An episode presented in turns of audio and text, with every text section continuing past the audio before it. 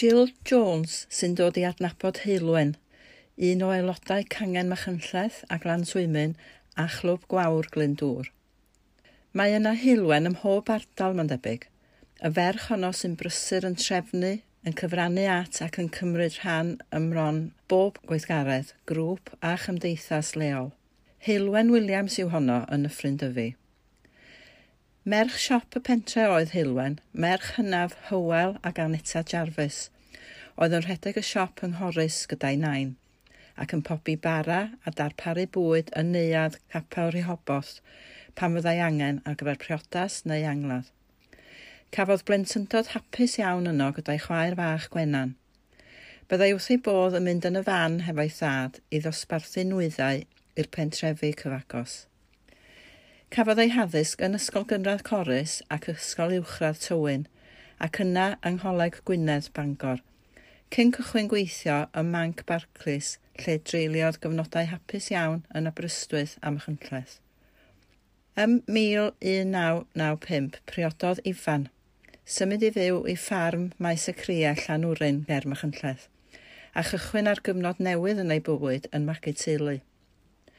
Pan oedd y plant Elin a Steffan yn fach, dechreuodd weithio gyda phlant a dyna pryd daeth pawb i'w hadnabod fel anti heilwen.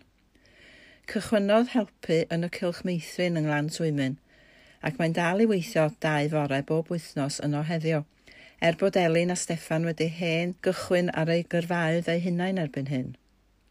Mae Heilwen wedi bod yn arweinydd cilch meithrin a ti a fi yn Llanbrymair ac yn gymhorthydd yn Ninas Mwddwy, ac mae'n dal i helpu pan fydd angen staff ychwanegol oherwydd salwch.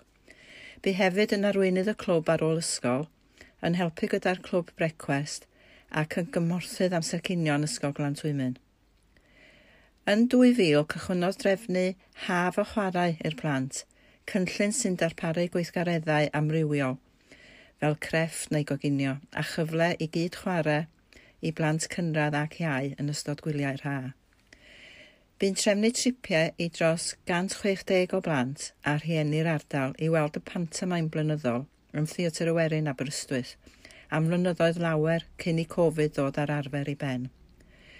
Hilwen hefyd sydd wedi bod yn trefnu'r ffair nadolig yng Nglan Twymyn ers 5 mlynedd ar hugain er mwyn codi arian i'r Cylch Meithrin. Roedd Heilwen yn athrawes ysgol Sul yng Nghapel Rheobos Corus pan oedd yn ddeunaw oed, ac yna ar ôl symud i ddyffryn dyfu yng Nghapel Sama Cwm Llinau am flynyddoedd lawer. Roedd hefyd yn weithgar gyda changen bro ddyfu o Urdd Sant Iwan cyn i hwnnw ddod i ben.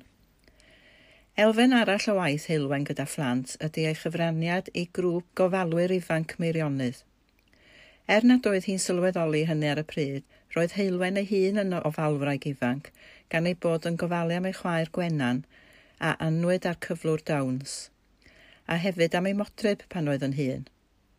Mae'n ymwybodol o'r rhwystredigaethau ar hyn mae'r gofalwyr ifanc yn gorfod ymdopi ag o, ac yn awyddus iawn i helpu ychydig arnynt drwy fynd â nhw ar dripiau neu i wneud rhyw weithgareddau.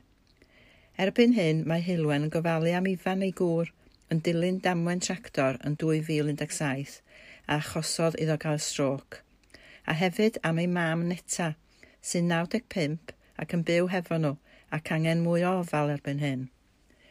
Mae nhw'n mwynhau mynd i gyngherddau gyda'i gilydd, ymweld â llefydd diddorol a chyfarfod â theulu a ffrindiau.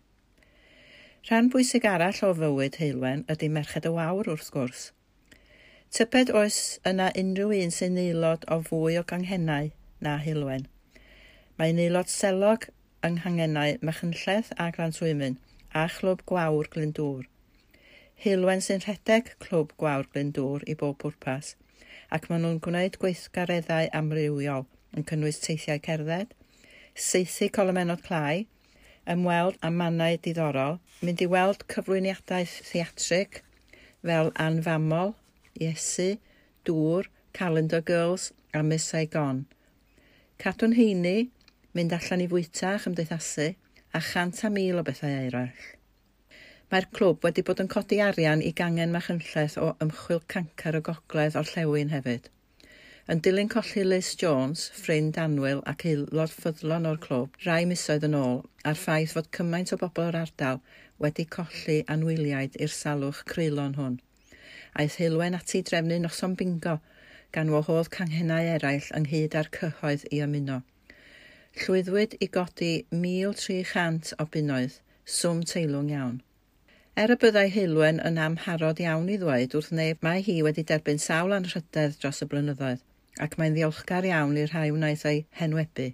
Derbyniodd blat halen y ddeiar, rhaglen wedi tri, rai blynyddoedd yn ôl – Cafodd wahoddiad i barti wirfoddolwyr ym Mhalas Buckingham yn 2017 a derbyniwyd hi i'r orsedd yn eisteddfod meifod yn 2015 o dan yr enw Heilwen Dyfu ar sail ei chyfraniad i'r ardal. Mae cyfraniadau Heilwen yn ddiddiwedd. Ei gwaith gwirfoddol boed yn wasanaeth mewn siop elusen, ar bwyllgorau neu gyda mudiadau elusennol a'i pharodrwydd i helpu bob amser. Mae hi'n anwyl yn hynod a ffaind ac un sy'n methu gwrthod pa fe rhywun yn gofyn. Mae gwen yn ei henw a gwen bob amser ar ei hwyneb. Diolch i ti Heilwen am dy gymwynas i'r ardal.